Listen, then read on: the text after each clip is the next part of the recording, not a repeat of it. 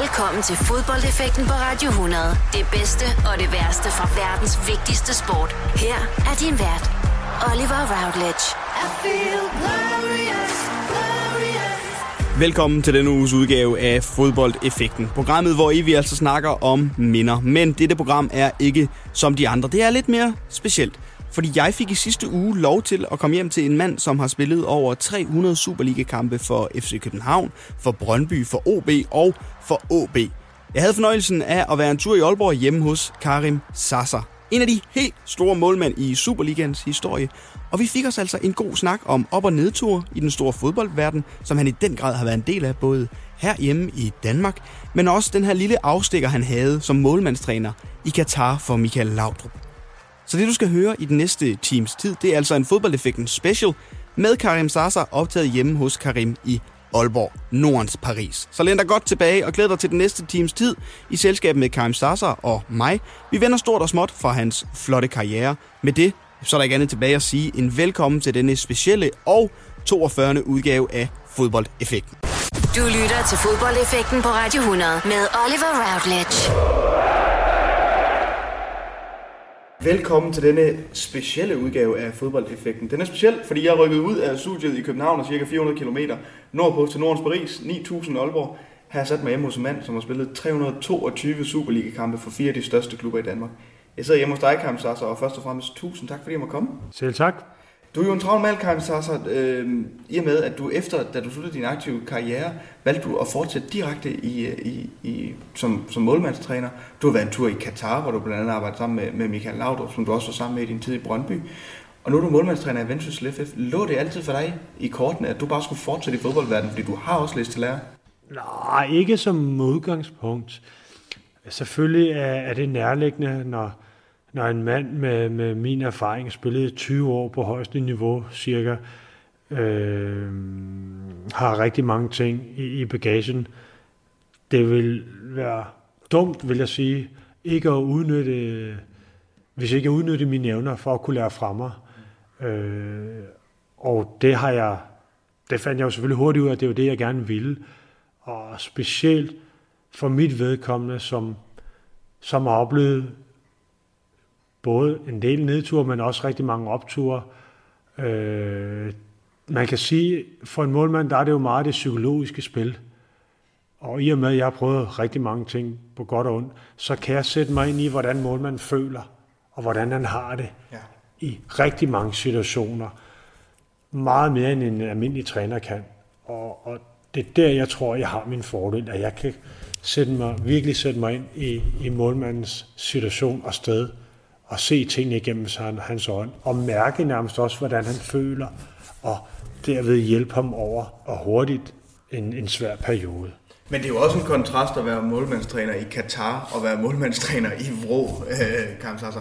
Det der med, at du skulle til Katar, var det, var det for lukrativt et tilbud til at takke nej til, og var det for spændende at arbejde sammen med Michael Laudrup igen til ligesom at sige, det har jeg ikke lyst til? Ja, men som, som, som hele min karriere, der har jeg været, synes jeg selv, mega heldig. Jeg har nok også selv opsøgt det, men øh, jeg stoppede i Vendsyssel, og kort tid, siden, kort tid efter, jeg kan huske, hvis jeg skal lige fortælle episoden, jeg står ude i haven og snakker med vinduesbusser, så kan jeg se, at der er en telefon, der, eller så ringer min telefon, jeg kan se, det er et spansk nummer, og så tænker jeg, hvem er det, der ringer til mig fra Spanien? Så tager jeg den, så siger Michael, hej Karim, det er Michael Laudrup.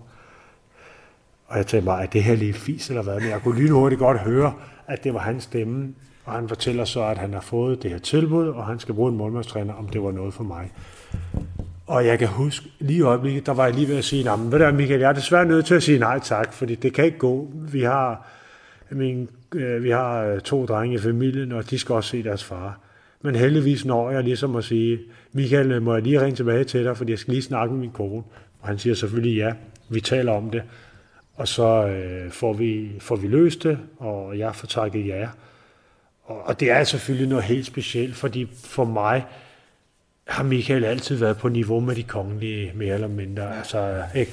Så det var jo, det var vildt. Det var, øh, ja, det var et eventyr. Og den oplevelse, det, det var ubeskriveligt. Altså, det er, det er noget, jeg aldrig vil glemme, og det er noget, jeg er Michael taknemmelig for at få lov at opleve. Og med den lille anekdote, jamen, så velkommen til denne lidt specielle udgave af Fodboldeffekten. Du lytter til Fodboldeffekten på Radio 100 med Oliver Routledge. Det er altså en speciel udgave af fodboldeffekten i dag. Jeg sidder hjemme hos dig, Karim Sasa, her i, i Aalborg, og nu skal vi altså snakke om noget, der, der er knap så sjovt. Du ender i en af dine sæsoner i FCK på årets flophold, øhm, og det, det, det skal vi snakke lidt om her. Hvordan tænker du tilbage på den tid øh, som, som et minde i din fodboldkarriere? Ja, men altså, øh, selvfølgelig var det ikke positivt, men øh, jeg tror, jeg blev stærk af det. Øh, jeg kan huske, at øh, mig og ikke fordi jeg skal rive Niklas Jensen med ind i det. En, en fantastisk fodboldspiller, jo som tidligere kom til Dortmund og Manchester City og spillede et hav af landskampe. Ham og jeg, øh, vi delte fornøjelsen derover komme som FCK-spiller på årets flophold. Og jeg var jo ikke særlig gammel og har ikke prøvet særlig meget. Øh, Udover det skrev øh, journalisten i, i den artikel, at jeg nok aldrig nogensinde vil øh, blive en Superliga-målmand. Så det er klart, det var ikke øh, den sjoveste læsning på det tidspunkt. Men, men heldigvis har jeg altid haft det sådan, at, at, at til træning, uanset om der har været med eller modgang, så har jeg altid givet mig selv 110 procent og offret alt, hvad jeg ligesom kunne.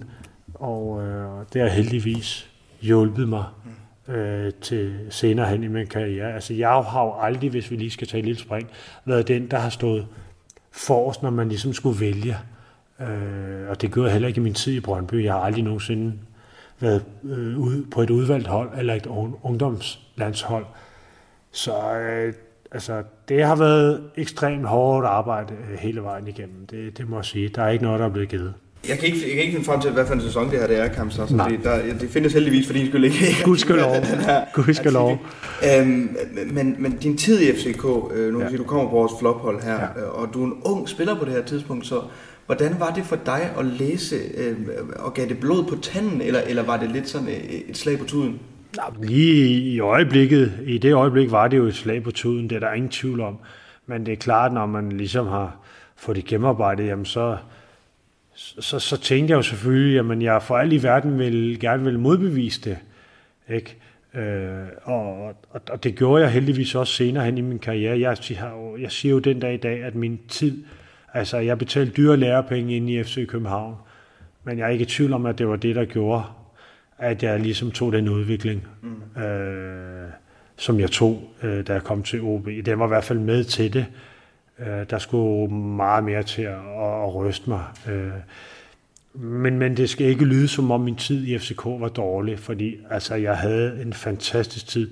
Der var en Flemming Østergaard, som var direktør. Øh, spillernes mand, han var der for en, han gjorde alt for en.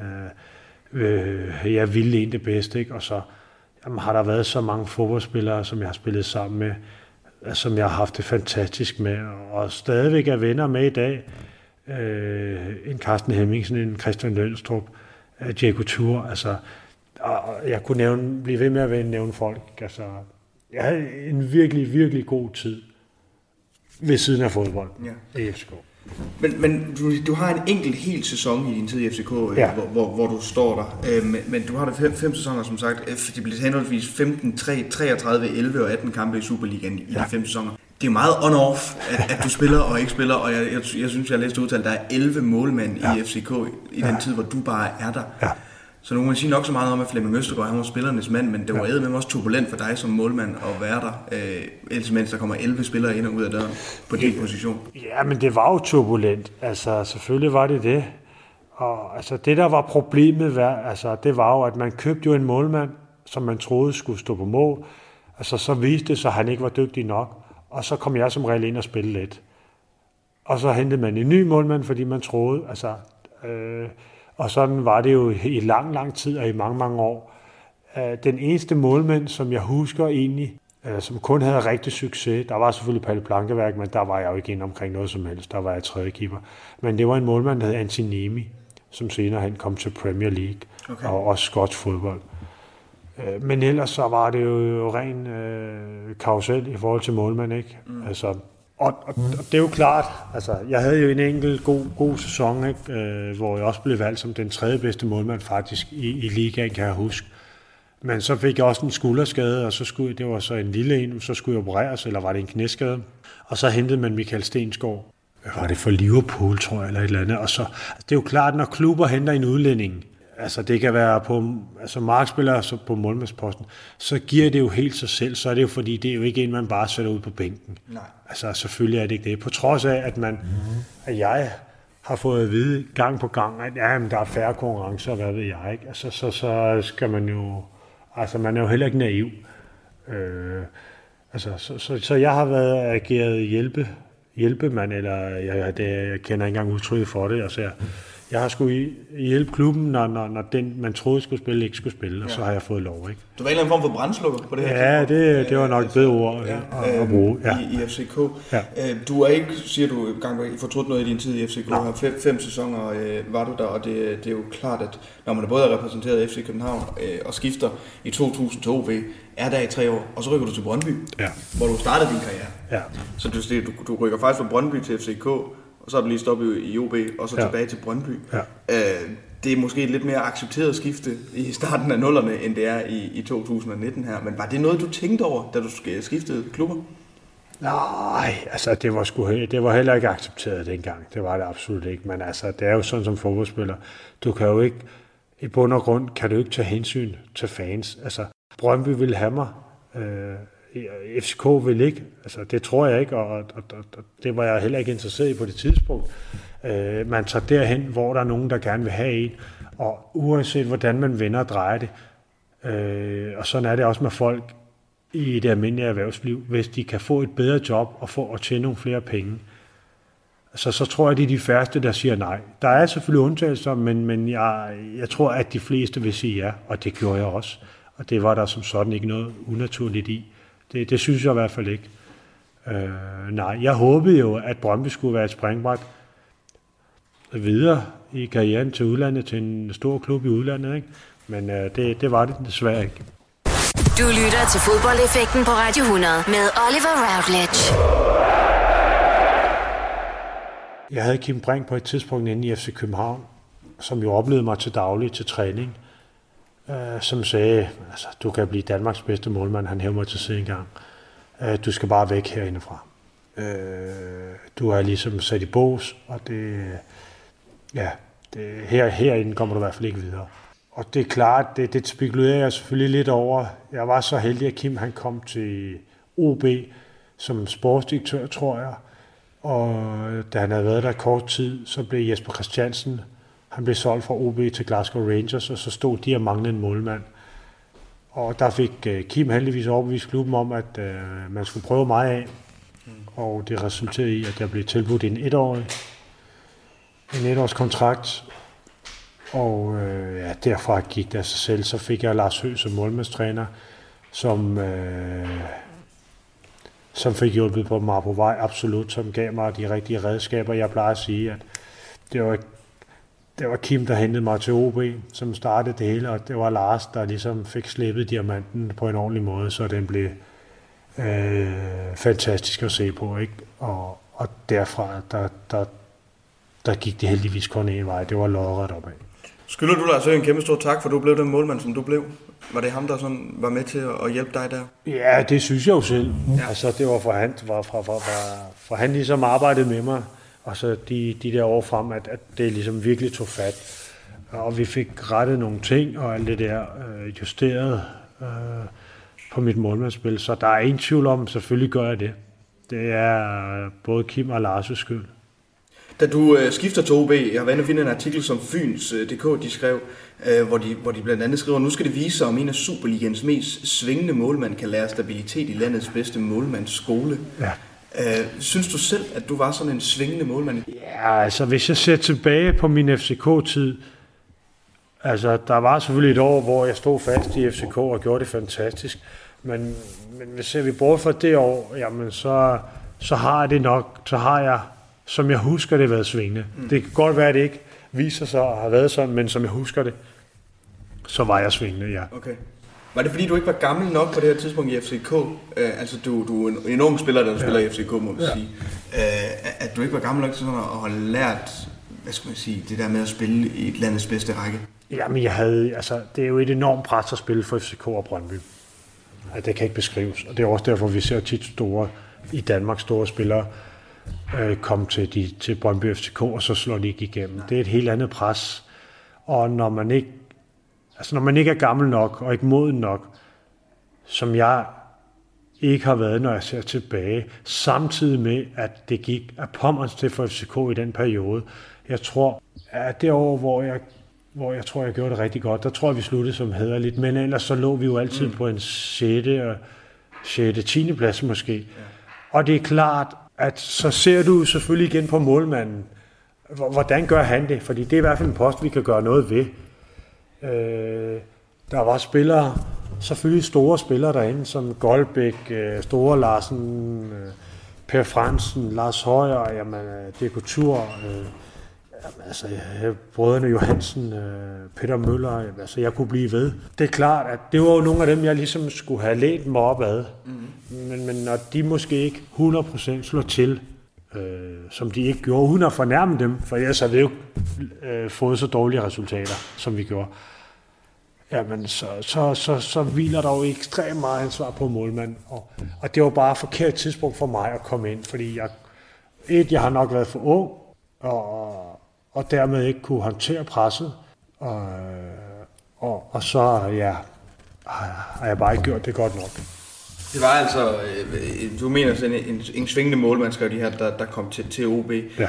Men hvad er det så, du lærer i de her tre år i OB, Karin? Fordi du vinder det gyldne bord to gange, mens ja. du er i, i OB. Du har Lars Høgh du har Kim Brink der. Ja, men altså, jeg har jo altid godt kunne lide at spille med fødderne. Og, og det var jo bandlys dengang, jeg spillede, da jeg var ung. Altså i dag, altså, altså havde jeg spillet sådan i dag, så øh, var jeg jo blevet lovprist og nok måske solgt, kun på grund af, hvor dygtig øh, jeg var med fødderne. Men dengang var det meget ille set. Øhm, så det Lars han fortalte mig, og jeg havde travlt med at skulle hjælpe alle andre end, end, end koncentrere mig om målmandsspillet. Så det Lars fortalte mig, det var, først og fremmest så kunne jeg koncentrere mig om min egen lille andegård. Ja. Og når vi ligesom havde øh, fundet fodfæste i den, så kunne jeg begynde at ligesom udvide horisonten lidt, ikke? og måske gå lidt på eventyr. Og det var ligesom det, der, der, der satte en stopper, stopper for min øh, lidt flagrende målmandsspil. I samme artikel, hvor de altså skrev, at du er en af de svingende målmænd, der udtaler Lars Høgh altså også, at du er en ægte træningsnarkoman. Var du det på det her tidspunkt, da du kom til OB? Jamen, det har jeg altid været. Okay. Altså, jeg, jeg tror, og det er ikke... Jeg tror, at hvis man spurgte mange af mine tidligere holdkammerater, der ville de kunne sige, at, at jeg nok altid har været den bedste målmand til træning. Okay. Jeg havde kun én ting for øje, det var at vinde og vinde og vinde og vinde og, og være bedst. Så det, det har jeg altid været. Kom til Spring Sale i Fri Bike Shop og se alle vores fede tilbud på cykler og udstyr til hele familien. For eksempel har vi lynedslag i priserne på en masse populære elcykler. Så slå til nu. Find din nærmeste butik på FriBikeShop.dk Arbejder du sommetider hjemme? Så er Bog og ID altid en god idé. Du finder alt til hjemmekontoret, og torsdag, fredag og lørdag får du 20% på HP printerpatroner. Vi ses i Bog og ID og på Bog og ID.dk. Haps, haps, haps. Få dem lige straks. Hele påsken før, imens billetter til max 99. Haps, haps, haps. Nu skal vi have... Orange billetter til max 99. Rejs med DSB Orange i påsken fra 23. marts til 1. april. Rejs billigt, rejs orange. DSB, rejs med. Haps, haps, haps. Der er kommet et nyt medlem af Salsa Cheese Klubben på MACD. Vi kalder den Beef Salsa Cheese, men vi har hørt andre kalde den Total Optor. Fodboldeffekten på Radio 100. Det er altså en speciel udgave af fodboldeffekten i dag. Jeg sidder hjemme hos dig, Karim Sasa, her i, i Aalborg, og nu skal vi altså snakke om noget, der, der er knap så sjovt. Øhm, sommeren 2004, der pådrager du dig en skulderskade, Karim. Hvorfor har du valgt at tage den her oplevelse med som en af de ting, du tænker tilbage på for din karriere? Ja, men det var, det var nok den ting, der, der gjorde, at, at min karriere ligesom sagde stop, eller at den ikke fortsatte, øh, eller min udvikling. Øh, Øh, jeg var jo spillet nogle år i FCK med, med, med blandet succes. Der var op- og nedture. Jeg var ikke særlig gammel, så jeg vil kalde det. Det var den tid, hvor jeg ligesom blev modnet, og jeg lærte, hvad gamet ligesom gik ud på. kom så til OB, hvor at, øh, jeg, jeg gjorde det rigtig godt, og så blev jeg hentet til Brøndby. Øh, og jeg gjorde det den første sæson øh, virkelig, virkelig godt. Jeg kan huske, at jeg kom på efterårshold. Jeg blev valgt øh, som øh, den bedste målmand for tre år i træk. Jeg blev rost øh, overalt, og, og det så virkelig lovende ud. Man bliver så skadet. Øh, og det bliver jeg faktisk i efteråret 2003. Men da vinterferien ikke var særlig lang, så valgte vi, mig og, og klubben selvfølgelig, at udskyde det, øh, fordi vi vidste godt, der var noget galt med skulderen, men vi tog, øh, vi havde lige slået Schalke ud i Europakoppen, og vi skulle til at spille mod Barcelona. Øh, vi lå klart etter i ligaen, så, øh, så vi tænkte, nu venter vi, og så må vi gøre det til sommer. Og øh, det gjorde vi så. Men det var jo en, en, en alvorlig skade, jeg havde, og den holdt mig ude i fire eller fem måneder. Øh, ja, derefter, så i hvert fald i min Brøndby-tid, det var sådan lidt blandet. Det tog lang tid, før jeg fik lov at komme ind og spille igen, fordi Kasper Ankergren, som var, også var målmand i Brøndby på det tidspunkt, gjorde det fantastisk. Og Michael sagde, at han ikke kunne, ikke kunne skifte, fordi at holdet blev ved med at vinde. Og ja, det, det, som træner kan jeg selvfølgelig godt forstå det, men det var lidt bittert for mig, fordi altså, jeg var på mit højeste på det tidspunkt. Jamen, altså, så kom jeg tilbage jeg fik lov at spille, men fandt aldrig rytmen i Brøndby. Øh, ja, kom så til Tyskland, der vendte det så igen, øh, så gik det godt. Kom så til OB, hvor det igen gik godt, men man kan sige, der var mine chancer for at komme øh, til en større klub end Brøndby. Øh, måske en, en, en middelklub i Europa. Den var ligesom passeret på det tidspunkt. Så det er simpelthen også fordi, at du føler, at med den her skulderskade, så, så bliver det på en eller anden måde en afslutning på, hvad der kunne have været. Hvad nu, hvis jeg ikke har fået den skulderskade? Ja, det, sådan føler jeg helt klart, fordi at, at jeg var virkelig på, på mit højeste, og, og jeg ved også, at, at der var noget interesse for udlandet efter det første år. Men, men Ja, men så kom skulderskan, og fred være med det. Altså, jeg har haft fantastiske oplevelser efterfølgende, men skulle jeg have været videre, så, så, så skulle den skade ikke have sket, fordi det tog mig, altså som sagt, så blev jeg, kom jeg først på mål igen halvandet år efter, ja. jeg blev skadet, ikke? Og øh, ja. Hvordan skete den skade? Kan du huske det? Ja, det kan jeg godt. Jeg, jeg, jeg er lidt i tvivl om, om det var der, men det er jeg næsten sikker på, for jeg kan huske, at jeg fik et ordentligt smæld i skulderen. Der kommer et indlæg, hvor jeg skal op og bokse væk, så stod jeg faktisk sammen med en af mine egne, Andreas, Andreas tror jeg, han er en forsvarsspiller, der var i Brøndby dengang. Vi ramlede ind i hinanden, og der kan jeg huske, der gav det et ordentligt smæld, men jeg spillede bare videre. Og det kører jeg jo som sagt syv måneder efter, eller seks måneder efterfølgende. Ikke? Men, men det, øh, det var ikke godt. Det var det ikke. Den første sæson i, i Brøndby for dig, Karin, der spiller du altså 32 kampe, som du også ja. nævner. Du, du kommer på, på, på årets hold, eller efterårets hold, vinder det gyldne bur. Ja. Den efterfølgende sæson, to kampe i Superligaen, ja. 135 minutter bliver det, bliver det simpelthen til der. Ja. Tredje og sidste sæson bliver det lidt flere 15 kampe. Når du sidder og tænker ja. tilbage, Karim, altså på den her tid i Brøndby, som jo også er en speciel tid for Brøndby, for det går rigtig godt i klubben. Ja. Og du så kun er en del af den ene sæson ud af de tre, du er der. Hvordan føler du, at du kunne have, øh, kunne du have gjort mere i din tid i Brøndby? Fordi nu kan du se, at Kasper Ankergren kommer ind og gør det skide godt, og der er måske ikke så meget andet for dig at gøre, end at kigge på. Nej, altså jeg kunne ikke have gjort andet. Øh, som sagt, jeg gjorde det godt den første sæson, hvor jeg spiller. Anden sæson spiller Kasper hele sæsonen. Og øh, jamen, han gjorde det jo outstanding fra, fra han kom ind, fra, fra da jeg blev skadet. Øh, så uanset om øh, jeg så havde haft otte arme og otte ben, så var der aldrig blevet skiftet. Og øh, så, så, så på den led kunne jeg ikke gøre noget. Jeg kunne bare mærke, den sidste sæson, jeg så var der, hvor jeg kom til at spille det sidste halvår, altså der var min, ja, altså, min gnist, den, den var bare, den var der ikke, som den havde været før. Altså, ilden var ligesom gået lidt ud. Og øh, det var også derfor, jeg valgte at sige, øh, at, at jeg ikke ønskede at fortsætte i Brøndby, fordi altså, det var jeg ikke tjent med, og det var Brøndby absolut heller ikke. Øh, nu udløb min kontrakt, så det gav måske helt sig selv.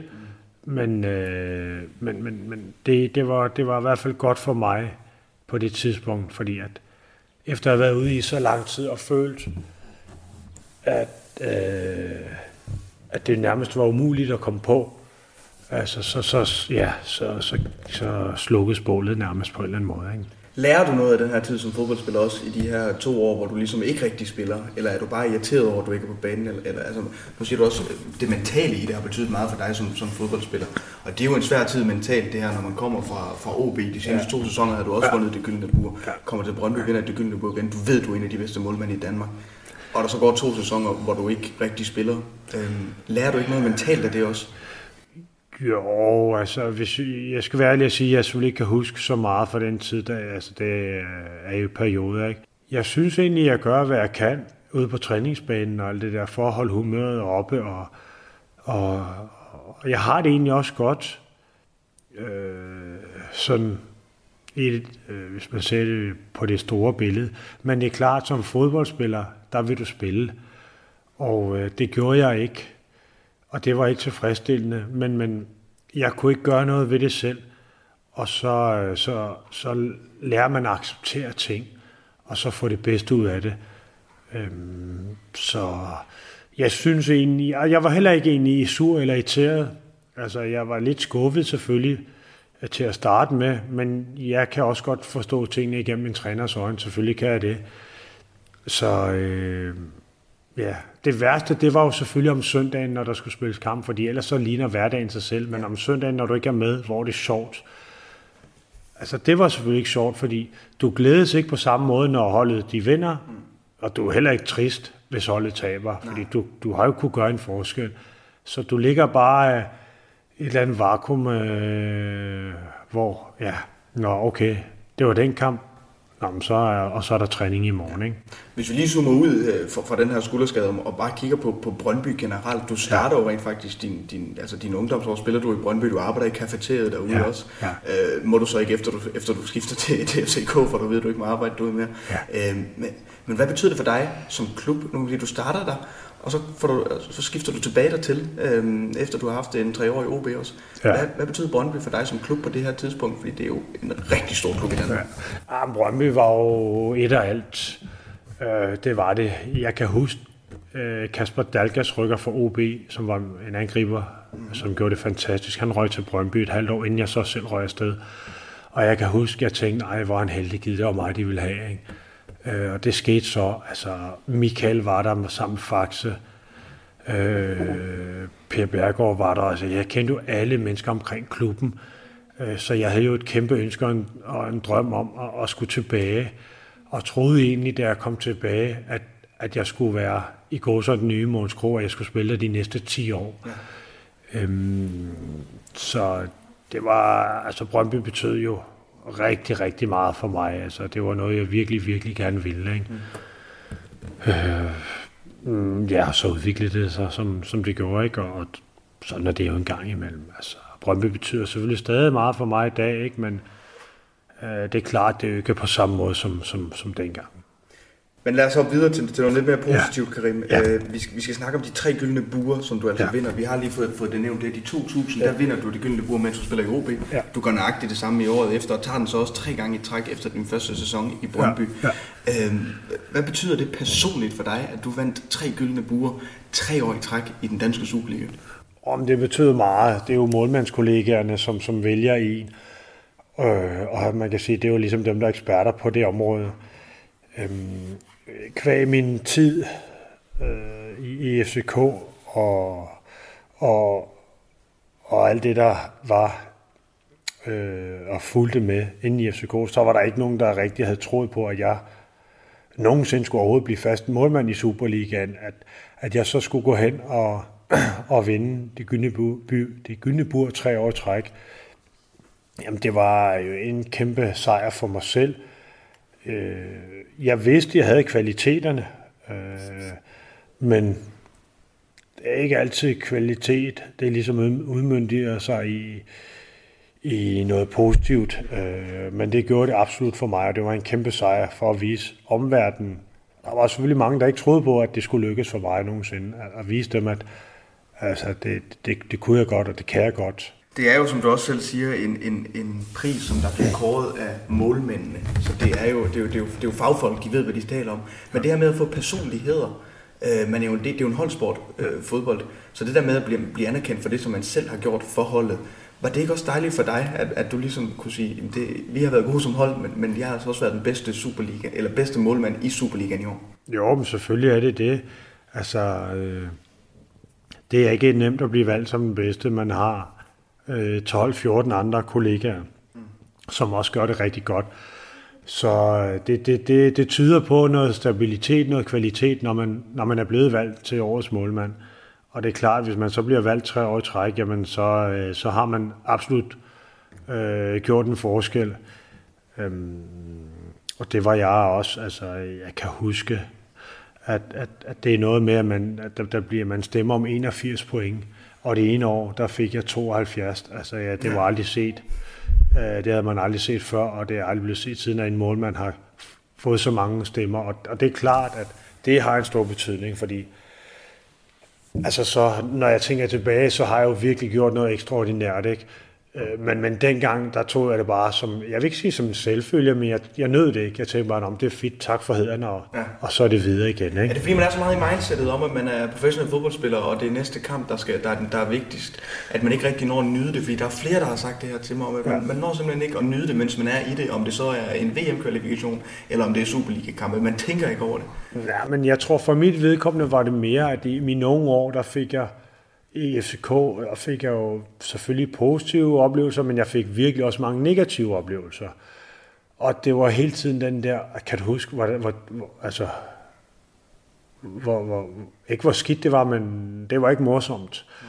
Så, så der var jeg bare ikke tilbage igen. Vel? Jeg var ikke tilbage i den øh, situation, så derfor så, øh, så øh, skal overlæggeren hele tiden løftes. Altså, det var det eneste, jeg tænkte på. Ikke? Jeg skulle aldrig hvile på laverbærene. Øh, og, og derfor så, så, så tænkte jeg ikke rigtig over det. Altså, det må jeg nok. Øh, nå, det var fint, tak, og så, så kæmper vi videre igen, ikke? Jo.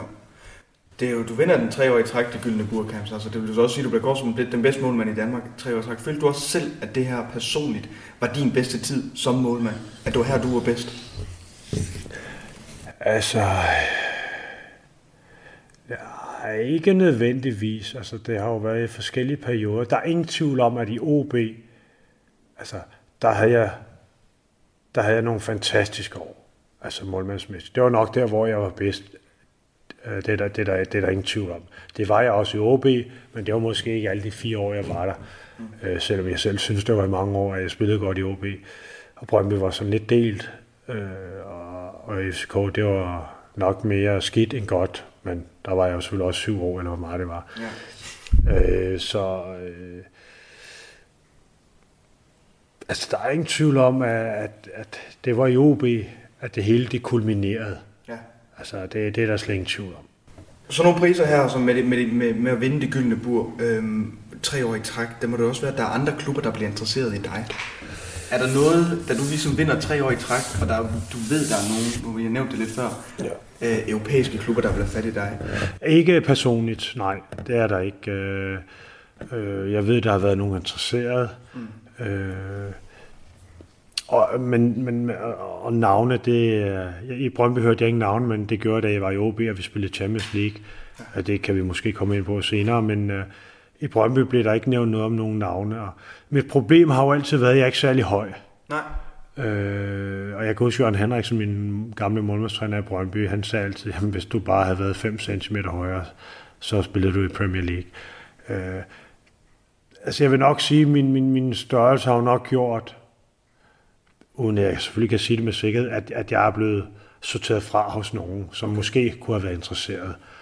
I, i dag og det gjorde du heller ikke så meget dengang, men der ser du bare ikke, i dag ser du ikke målmænd, der er under 1,85 nærmest. Det er helt uhørt, jeg er så kun 1,84, så dengang var der nogle enkelte af de store, som, som Victor Valdez, øh, Casillas og Barthez, men det er jo målmænd på en helt anden hylde. Ikke? Men Timo Hildebrand fra Stuttgart var også, ikke? men han led også under, han ikke var særlig høj. Så altså, målmænd, der ikke er mere end 1,84-85, har det bare har haft det svært. Og i dag der er det stort set umuligt, mm. hvis du ikke er højere. Når du skal fra Sjælland til Jylland Eller omvendt, så er det Molslinjen, du skal med Kom, kom, kom, bado, kom, bado, kom, bado. Få et velfortjent bil og spar 200 kilometer. Kør ombord på Molslinjen fra kun 249 kroner. Kom bare du. Kom til Spring Sale i Fri Bike Shop og se alle vores fede tilbud på cykler og udstyr til hele familien. For eksempel har vi lynedslag i priserne på en masse populære elcykler. Så slå til nu. Find din nærmeste butik på FriBikeShop.dk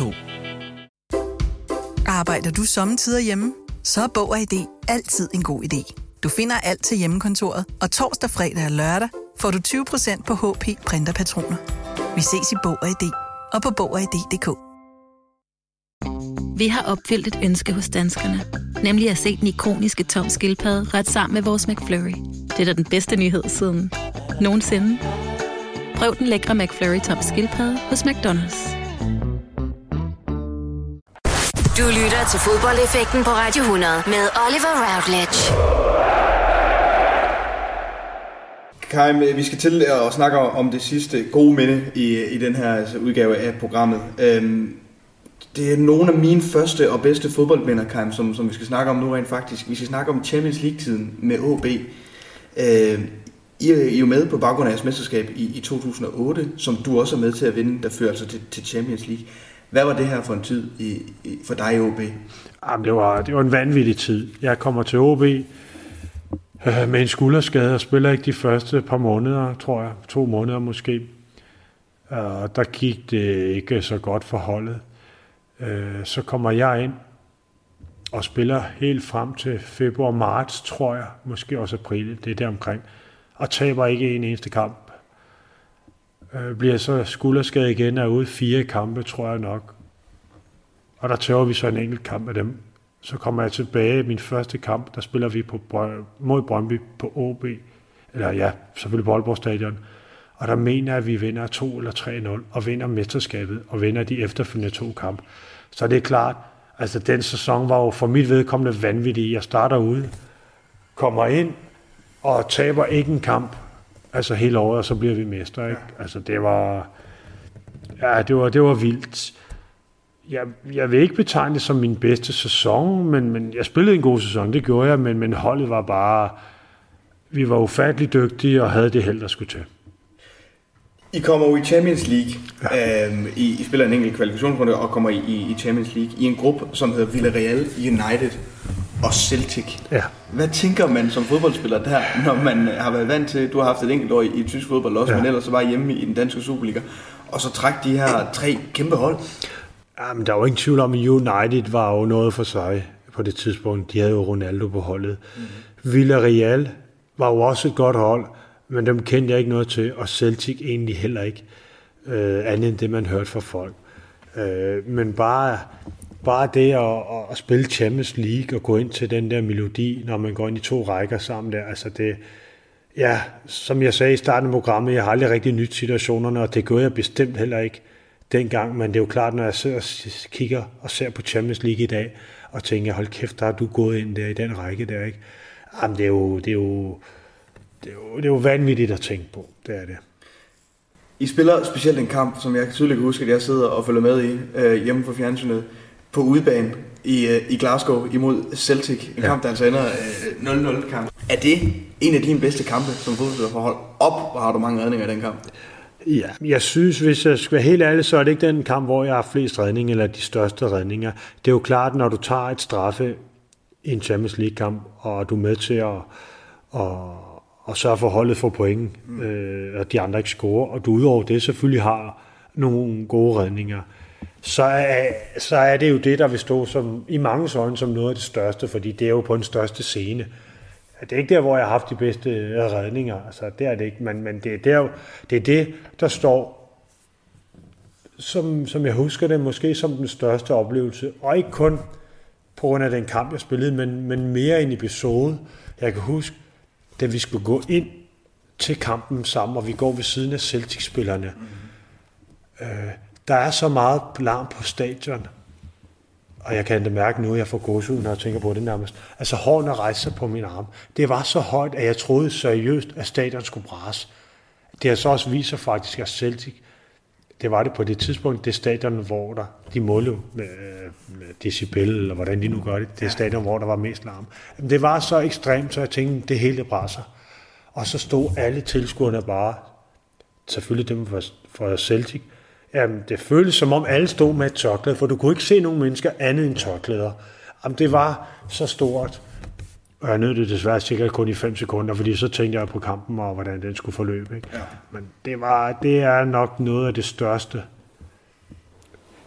Og så er der selvfølgelig også en anden episode, der blev tiljublet på Brøndby Stadion en gang af 30.000, da vi slog særligt ud, hvor jeg var alene på stadion eller ude på banen. Men, men, men, men det er, det er selv kampen, som står som det største. Selvfølgelig var det stort at spille mod Ronaldo og United, og jeg kan prale at have spillet to kampe mod Ronaldo, uden han har scoret. Det er der nok ikke mange målmænd, der kan, ikke? Men, men det var selvfølgelig også kæmpestort. Altså, jeg var jo, jeg kan huske, hvis jeg skal sige noget fra United-kampen, at der står, jeg, står vi i mellemgang og skal gå ind med dem.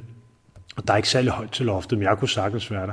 Så kigger jeg ved siden af på Uniteds målmand, som var Fantasar på det tidspunkt, og han stod sådan helt med hovedet forover, for han kunne ikke stå der. Jeg tænkte bare, hvor høj er han lige? Ikke? Altså, ja, det, var, det var også kæmpe stort, selvfølgelig var det det. Den her tid i OB, øh, 2008, hvor, hvor mesterskabet bliver vundet, og, og Champions League i efterfølgende sæson, de spillere og det hold, der er i OB, øh, jeg kan huske det, det tydeligt, jeg synes, der var så mange gode fodboldspillere på det OB-hold. Hvad var det for et hold at være en del af, men også ude på trænerbænken, Erik Hamren, hvad gjorde han skide godt for, at det her hold det fungerede? Erik han øh, var den første træner, som jeg havde oplevet, altså ligesom, udover han selvfølgelig evaluerede kampen generelt foran alle, så tog han også fat i hver enkelt person og lige ja, talte med vedkommende i to-tre minutter, fire minutter måske, for at sige, hvad han synes, der var gået godt, og hvad han synes, der var gået mindre godt, og hvad han synes, man måske skulle ændre. Ja. Øh, han var, der var respekt, han var, øh, han havde en, en vis form for ja, karisma og udstråling, man respekterede ham, øh, han var beslutsom, men han var absolut også sjov øh, og kunne grine, og så han havde lidt af hele pakken faktisk. Jeg oplever ikke holdet som, altså jeg, jeg så, når jeg kiggede på spillerne på det tidspunkt, så var det, altså, så var det ikke de bedste fodboldspillere i Superligaen, det var det ikke. Men det var det mest sammensumrede hold. Ja. Og vi supplerede hinanden alle sammen, og havde en forståelse for hinandens kvaliteter, og accepterede hinanden, og vi hjalp bare hinanden. Altså, det, det, det vil jeg sige, vi stod sammen som en enhed. Og det fører jo altså til, til Champions League, øh, blandt andet kampen imod Villarreal, United ja. og Celtic. Det her, jeg husker også pointet på Old Trafford. Altså øh, en flot, flot fodboldkamp, synes jeg, ja. kommer foran på Old Trafford. Ja. Men det er jo samtidig også en sæson i OB, hvor at der er mange trænere ind, ud af igennem døren, altså flere, ja. flere end jeg kan huske, at Bruce Rear kommer ja. til, ikke? det går ikke så godt, så, så tager Kuhn over, ja. øh, ender med Magnus Persson også er der ja. i, i afslutningen af sæsonen. Hvad var det for en tid, fordi man kan sige, nu har man haft en virkelig god tid med ja, ja, ja, igennem ja. mange perioder, øh, og så kommer der lige pludselig tre forskellige trænere inden for ja, et år. Ja, altså, øh, Kuhns periode, hvis vi skal starte med den, den var jo egentlig god, mm. men, men klubben havde andre idéer og tanker. Og det er jo fair nok, fred være med det. Så havde vi Bruce og Magnus. Øh, Bruces filosofi tror jeg ikke rigtig fungerede med klubbens. Og ja, nu taler jeg kun ud fra, hvad jeg tror. Øh, det fungerede i hvert fald ikke. Øh, og det samarbejde, det ophørte jo. Øh, Magnus var i og for sig mega sød. Måske for sød, vil jeg sige. Okay. Øh, Magnus kunne godt lide at høre. Magnus var ekstremt dygtig, og han var meget, meget forberedt. Men Magnus var også meget ung og havde ikke så meget erfaring. Og, og Magnus, tror jeg, havde svært ved altså ligesom at skære igennem og sige, prøv at det er mig, der bestemmer, det er mig, der er bossen, I følger bare mig, ellers så kan I bare finde andet sted at spille. Mm. Øh, alle havde lov til at blive hørt. Alle havde lov til at have en mening. Og det kan nogle gange godt være lidt farligt i en fodboldklub, fordi så er der rigtig mange, der tror, at de anfører. Og så er det svært, eller kan være svært for nogen at vide, hvad for en vej er det, vi skal gå. Og det var nok den, sådan en tid, vi havde med, med, med Magnus, tror jeg. Ikke? Desværre. Øh, ja. Øhm, hvad betyder det her også? Fordi nu er du, du er blevet bosat i Aalborg efterfølgende, og du, nu ved jeg godt, at, at du spiller i, i, i Jørgen og har arbejdet i, i Vendsyssel, øh, og derfor selvfølgelig er det nærliggende at bo her, men, men der er jo også noget for dig, der har forankret dig i Aalborg, der gør, at du bliver her. Øh, så, så, så Aalborg byen og, og OB har vel også en speciel plads i dit hjerte? Jo, selvfølgelig har den det. Nu er jeg jo boet her i, i, i over 10 år, øh, og bliver nok også boende. Øh, det er klart, altså havde jeg ikke mødt min nuværende kone, så havde jeg boet i København. Altså det havde jeg. Øh, men, men min kone Charlotte, som, ja, som havde øh, to drenge med en anden mand, øh, kunne jo ikke bare flytte. Og, og derfor valgte jeg jo ligesom at sige, okay, hvis Charlotte og jeg skal være sammen, så er det mig, der er nødt til at, at slå mig ned. Og nu kendte jeg jo ligesom byen og havde boet her. Og øh, ja, trives, for ellers ville jeg jo heller ikke bo her. Det er en, en rigtig god by, en fantastisk by. Øh, folk er lidt mere nede på jorden end, end i København. Der øh, skal det gå lidt hurtigt en gang imellem. Ikke? Man tager det, som det kommer. Jeg plejer at sige, at øh, Aalborg har næsten de samme øh, øh, ting, som København, København har. Ikke helt, men, men jeg siger, at de har rigtig mange ting. Det hele er bare samlet på et lille frimærke, ikke? Øh, størrelsesmæssigt. Øh, de har i hvert fald de ting, som, som jeg har brug for og behov for. Eller det har Aalborg, så øh, ja, Aalborg er en rigtig hyggelig by. Når man spiller Champions League-kampe, så er det jo samtidig også kampe. Nu er det lidt senere, de starter kl. 21, men, det, men det, da I spillede, der var det jo 20.45, og det er aftenkampe, og øh, lyset på stadion er tændt. Jeg synes personligt selv, der er noget helt fantastisk over sådanne fodboldkampe. Er der en anden stemning til sådan en, øh, en Champions League-kamp, øh, når Aalborg Stadion lige pludselig er, er fuldstændig fyldt igen, og, og man, man spiller imod nogle, nogle større hold, øh, og så er det om aftenen. Øh, kan du huske, om der er noget specielt for dig, når, når det var en aftenkamp, helt generelt? Øh, generelt øh, har jeg aldrig rigtig været glad for aftenkampe, fordi du vågner om morgenen, og så er det eneste, du har i tankerne, det er, at du skal spille om aftenen, og der skal du være klar. Så man skal helst ikke hvile for meget, så bliver man træt til kampen. Man skal heller ikke gå ud og lave noget aktivt, fordi så kan det også godt være, at man bliver træt. Så man, man går egentlig bare og ikke rigtig ved, hvordan skal jeg lige forholde mig. Hvad, selvfølgelig ved man godt, hvad der, har jeg jo godt vidst, hvad der har været bedst for mig selv, men, men stadigvæk har jeg, jeg altid gerne vil spille så tidligt som muligt, for så kunne jeg stå op, spise morgenmad, tage til kamp, og så spille, og så var det overstået. Ikke? Ja. Men, men du spurgte mig, om der var noget specielt med Champions League-kampene, og det er der ingen tvivl om, det var der også i Aalborg. Altså ugen op til, ja, flere uger op til, øh, kunne man jo mærke på folk, stemning i byen, at, at nu skete der snart noget stort. Ikke? Øh, der blev pyntet op i hele byen. Øh, der kom langt flere journalister til, til Aalborg. Ikke? Øh, altså, det hele blev bare løftet, øh, hvor man bare tænker, okay, her sker der snart en stor begivenhed. Ikke? Øh, ja, medier fra udlandet, altså hele byen så med, at nu, nu skete der bare noget, noget, noget rigtig stort, og, og det var noget, folk de glædede sig til. Du spiller godt i Champions League-kampen, altså vi har nævnt, vi har nævnt Celtic-kampen som en af dem, du, men, du, men generelt så spiller OB jo godt og får en tredjeplads ja. Øh, foran Celtic i den her øh, gruppe. Var der interesse for dig efterfølgende i, i de her øh, Champions League-kampe? Ja, det var der faktisk. Øh, jeg ved, da vi spiller i United, det, jeg kan kun sige, hvad min agent i hvert fald ja. fortalte mig, øh, der havde Ajax scouts på, på, på bænken, jeg spillede i United. De skulle på det tidspunkt bruge en reservekeeper.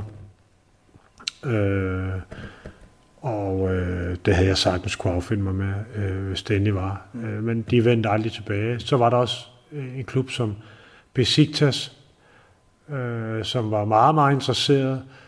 Øh, agenten fortalte i hvert fald, at træneren han meget, meget gerne ville have mig, men at øh, det var præsidenten, der, havde, der ligesom gik ind og sagde, at ham kan vi ikke have, fordi at, øh, at igen, hvad jeg fik at vide, de havde en øh, landsholdskeeper på holdet, og hvis jeg kom til at spille, så ville han ryge af landsholdet.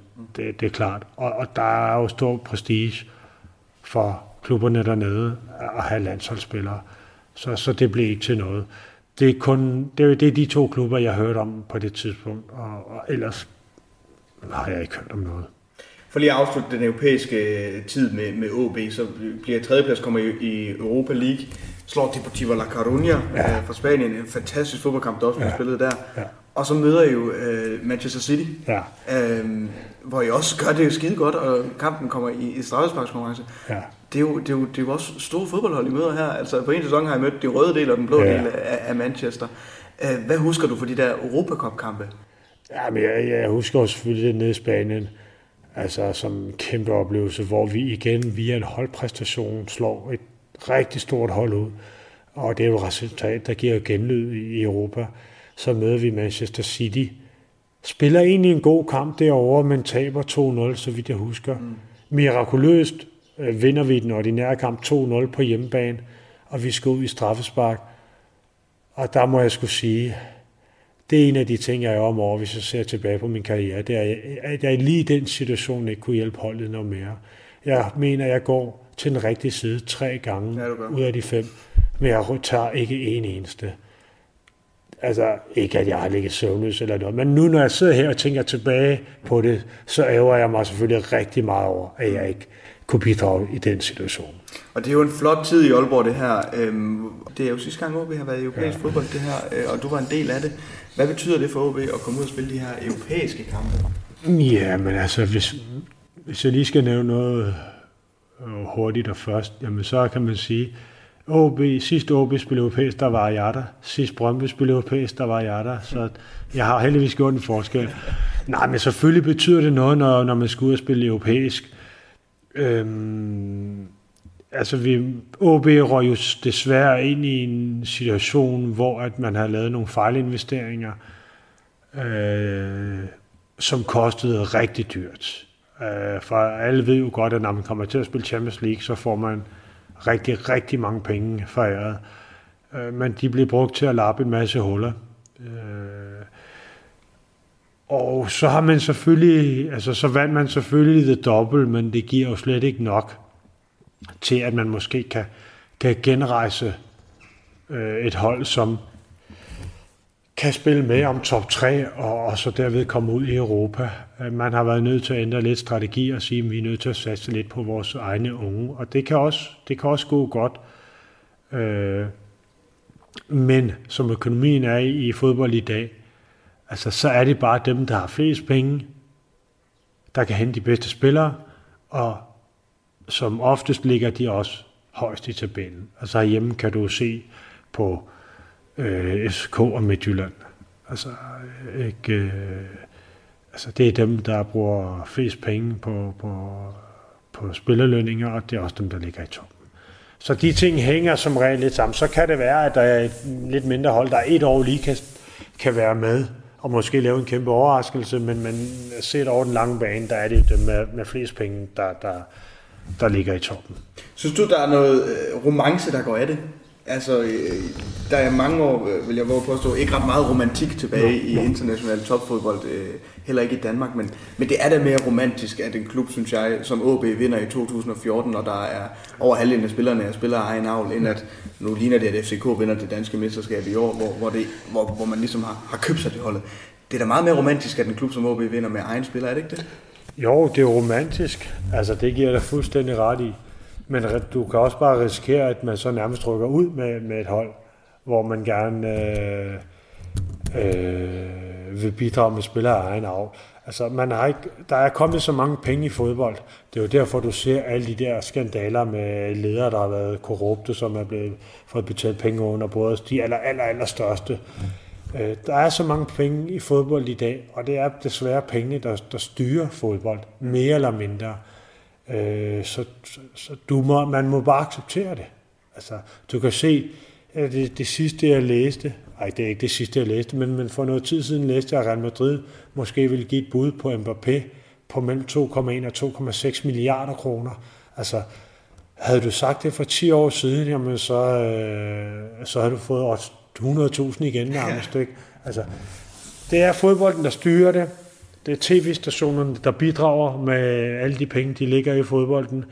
Det er tv-stationerne, der nærmest efterhånden dikterer, hvornår der skal spilles kampe. Ikke efterhånden, men de dikterer, hvornår der skal spilles. Altså, du kan ikke gøre noget. Det er dem, der ligger pengene, der bestemmer. Og, og sådan er det. Og, og så enten kan du acceptere det, så behøver du måske ikke acceptere hele pakken, men kun noget af det, men du kommer aldrig udenom, at du er nødt til at acceptere noget, for ellers så kan du ikke begå dig i, i den her verden. Fodboldeffekten på Radio 100. 30. maj 2011, der sender OB en pressemeddelelse ud, hvor i man kan læse, at man har valgt ikke at forlænge kontrakten med dig, Kjell. Ja. Det er blandt andet dagen efter OB, takket være Tim Jensen nede i Esbjerg, øhm, ikke er rykket ud af Superligaen. Hvordan er det her for dig, øhm, Karim, den her tid for dig, hvor du i forvejen er en ret svær sæson øh, at være en del af, kunne jeg forestille mig? Ja, det der, det kom jo som et chok.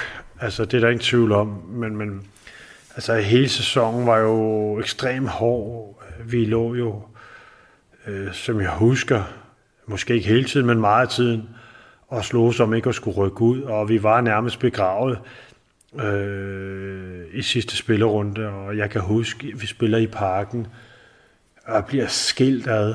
Mm. Øh, og jeg kan huske, at jeg går og tænker, at der er fem minutter tilbage, hvor at det virkede som om, at vi var ude i hvert fald ikke. Hvad, hvad skulle jeg nu? Fordi nu havde OB der i hvert fald ikke råd til, til mig. Og, øh, og så pludselig i overtiden, så kan jeg se OB's fans, de jubler som sindssyge, de smider trøjerne, og så tænker jeg, at det er løgn det her, er det virkelig sket? Og det var det så. Øhm, og jeg, jeg husker, altså jeg husker sæson, jeg synes egentlig ikke, at jeg gjorde det dårligt. Altså det, jeg har altid målt mig selv på, hvor mange drop jeg har lavet på en hel sæson og sådan noget. Ja. Og mit mål har altid været, at max at skulle lave to, helst en, men to dele kunne leve med. Det synes jeg egentlig også, sådan en forløbssæson også. Jeg havde måske ikke så mange øh, kampe, hvor jeg redde point, men altså, jeg, jeg spillede nok bare som, som resten af holdet. Ikke særlig, ja, jeg vil ikke sige ikke særlig godt, fordi når du ikke har spillet godt, så har du droppet, og det synes jeg ikke, jeg gjorde. Men jeg leverede ikke det, der skulle til. Men jeg var sikker på, da vi reddede os, der kan jeg huske, der var jeg sikker på, at klubben ville forlænge med mig, fordi at jeg havde spurgt klubben øh, 4-5 uger inden, jeg havde spurgt Kent, om hvad klubben ville, fordi altså, jeg ville jo gerne have besked. Ja. For det var fair nok, hvis ikke de ville beholde mig, men så skulle jeg jo til at kigge mig om efter noget andet. Og øh, de kom ikke med nogen tilbagemelding. Og, og, og jeg kan huske, at jeg tænkte, jamen, så er det jo selvfølgelig fordi, at, at de gerne vil forlænge, men ja, de er selvfølgelig nødt til at se, spiller vi i Superligaen, eller spiller vi i første division. Fordi de havde ligesom meldt ud, vi kan ikke gøre noget, før vi ved, hvor vi spiller. Og øh, jeg kan huske, at øh, vi så klarer den, og jeg kan huske, at vi sidder inde i parken og spiser aftensmad, og der råber Augustinusen, Karen, hvad, øh, skal du ikke øh, sætte over til Lyngge og forlænge? Og der bliver grinet lidt af det. Øh, og så ikke mere. Og jeg tænker, om vi finder ud af det i morgen, det sidste træning i morgen, og så skal jeg nok bare oversætte et kryds et eller andet sted, eller en underskrift. Og jeg, øh, jeg tager over styrketræner dagen efter i klubben, og så kommer Lynge over og siger, Karen, øh, har du lige tid et øjeblik? Jeg vil gerne lige tale med dig. Og der kan jeg huske, at jeg går med Lynge der, der tænker jeg, kan jeg vide, hvad jeg får i løn? Vil de måtte acceptere den samme løn, som jeg har nu? Jamen, så er det jo vanvittigt, fordi altså, det, var, det, var en, det var mange penge. Det, det var det. Øh, så vi sætter os over og snakker et minut om vind og vejr, og så kan jeg huske, at Lynge pludselig siger, øh, vi vil ikke forlænge med dig. Og øh, jamen, først troede jeg, det var en joke. Øh, jeg smilte og tænkte, ah, nu siger han, at det var bare gas. Men han snakkede bare videre. Hvad han snakkede egentlig om, det kan jeg slet ikke huske. Jeg kan ikke huske rigtig meget af samtalen, andet end at øh, jeg, jeg rejser mig og, og går. Og jamen, der farer jo mange tanker igennem hovedet øh, på en. Jeg tænkte, hvad skal jeg nu?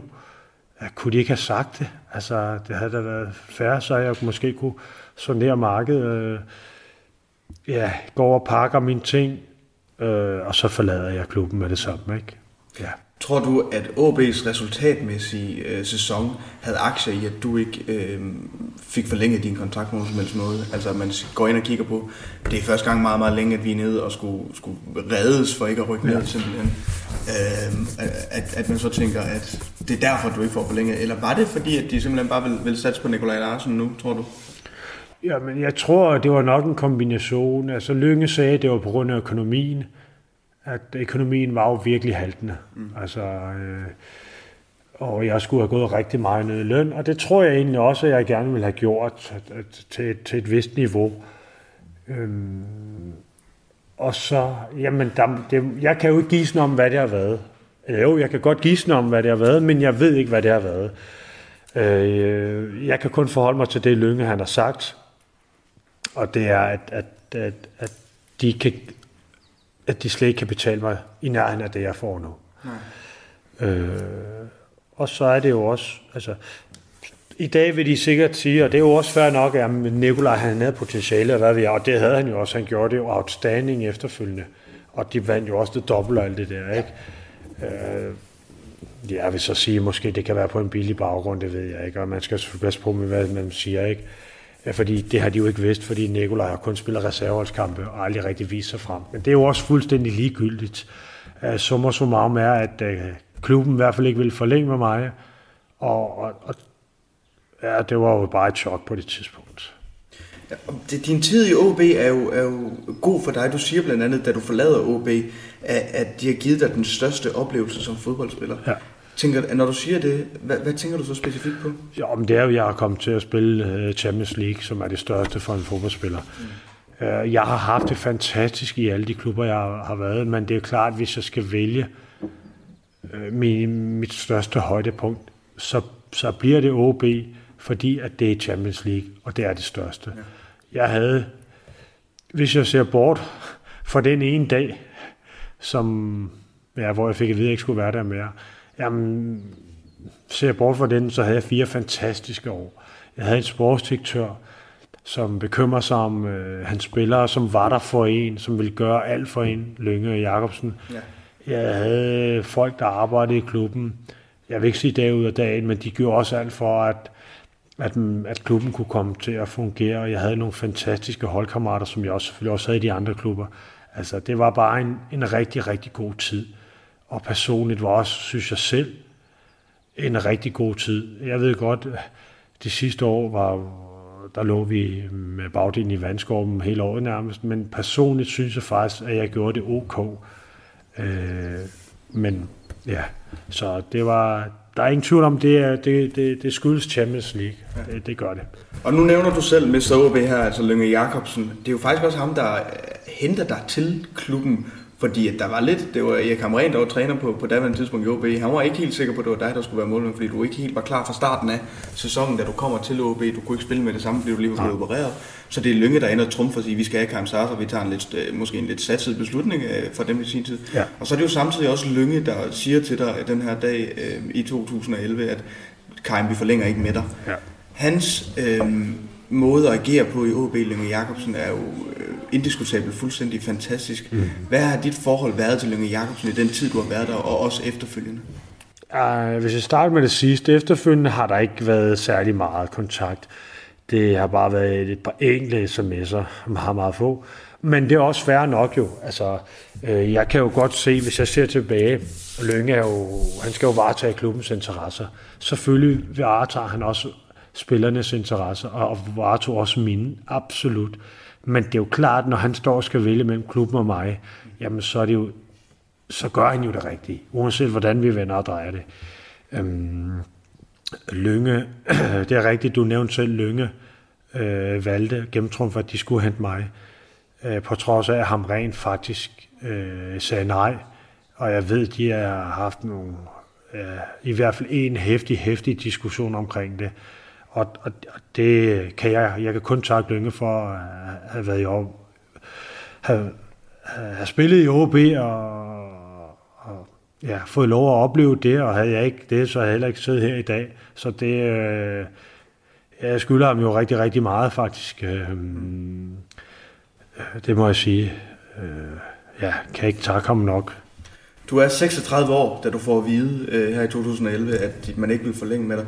Var der noget i dig, der tænkte, at du skulle stoppe din karriere der? Nej, overhovedet ikke. Jeg synes stadigvæk, jeg var fedt og, og gjorde det godt.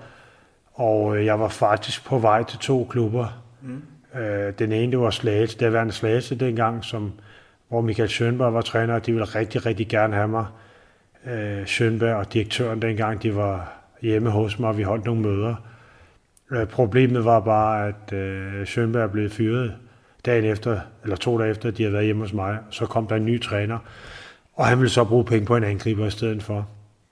Øh, den anden klub var Nordsjælland, som, okay. som jeg også var til møder med i klubben, med Allan K. dengang, og Jan, sportsdirektøren. Øh, Julemand, han kom hjem til mig om aftenen, hvor vi sad og snakkede. Og jeg troede egentlig bare, det var en formsag, så skrev jeg under på en kontrakt. Men øh, der var nogle ting, der gik i vasken. Det er der en grund til at rive op i i dag, hvad det var. Men øh, jamen, jeg stod så til sidst der og, og skulle træffe et valg. Ikke? Øh, og jeg vidste godt, at øh, Jørgen, dengang hed det Jørgen, i dag er det Vendsyssel, var interesseret.